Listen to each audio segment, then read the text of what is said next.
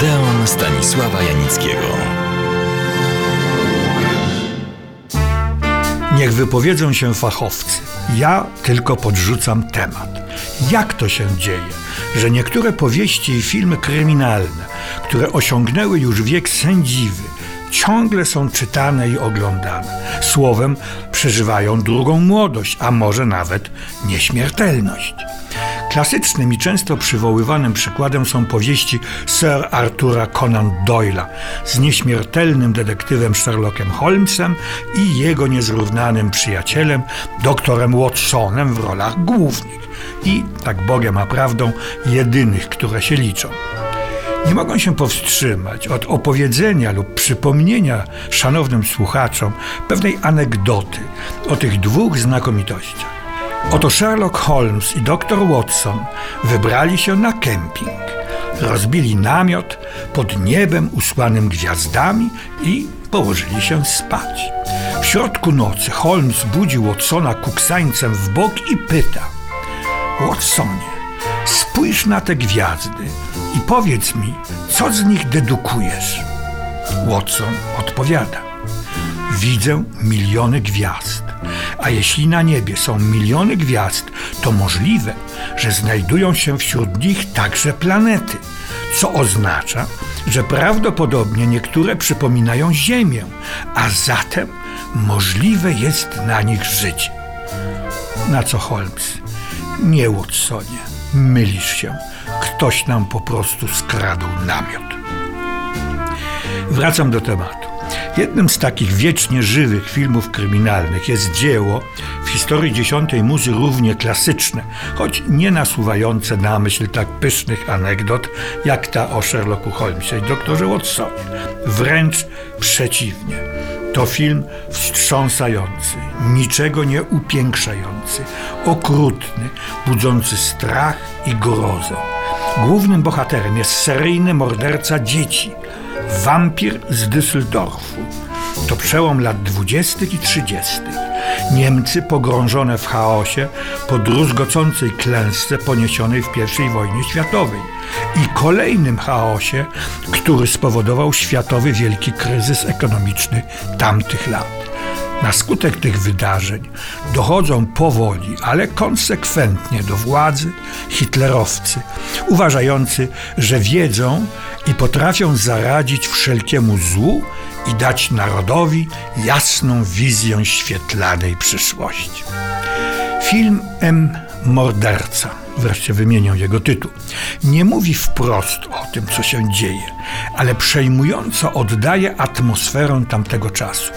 A sama fabuła toczy się kilkoma nurtami. Pierwszym są dzieje, losy, działania tytułowego mordercy.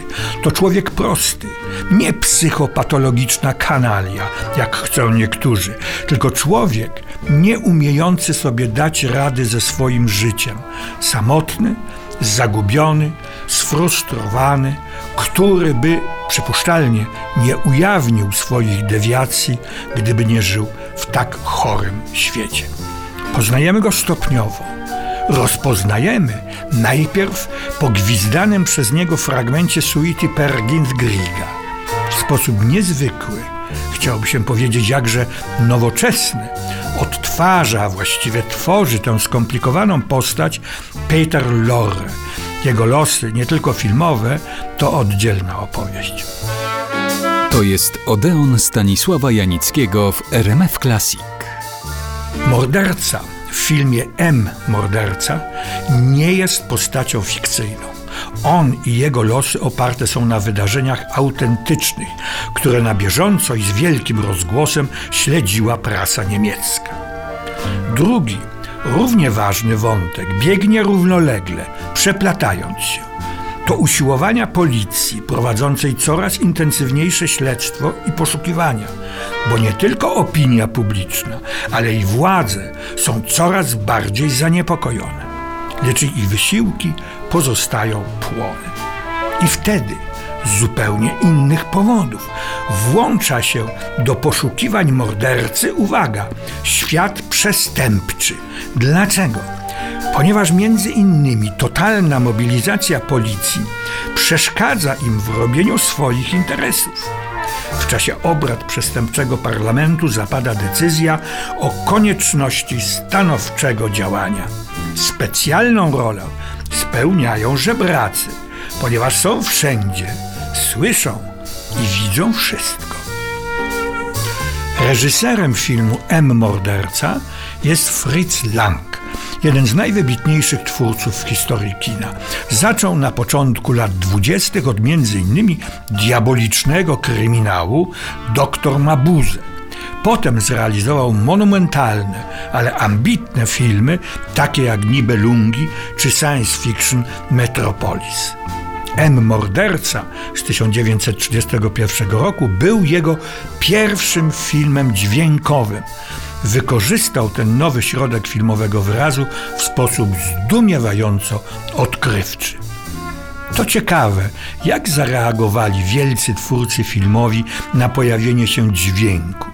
Jedni, jak Chaplin czy Eisenstein, nie chcieli mieć z nim nic wspólnego. Uważali go za grabarza artystycznego i nie tylko filmu niemego.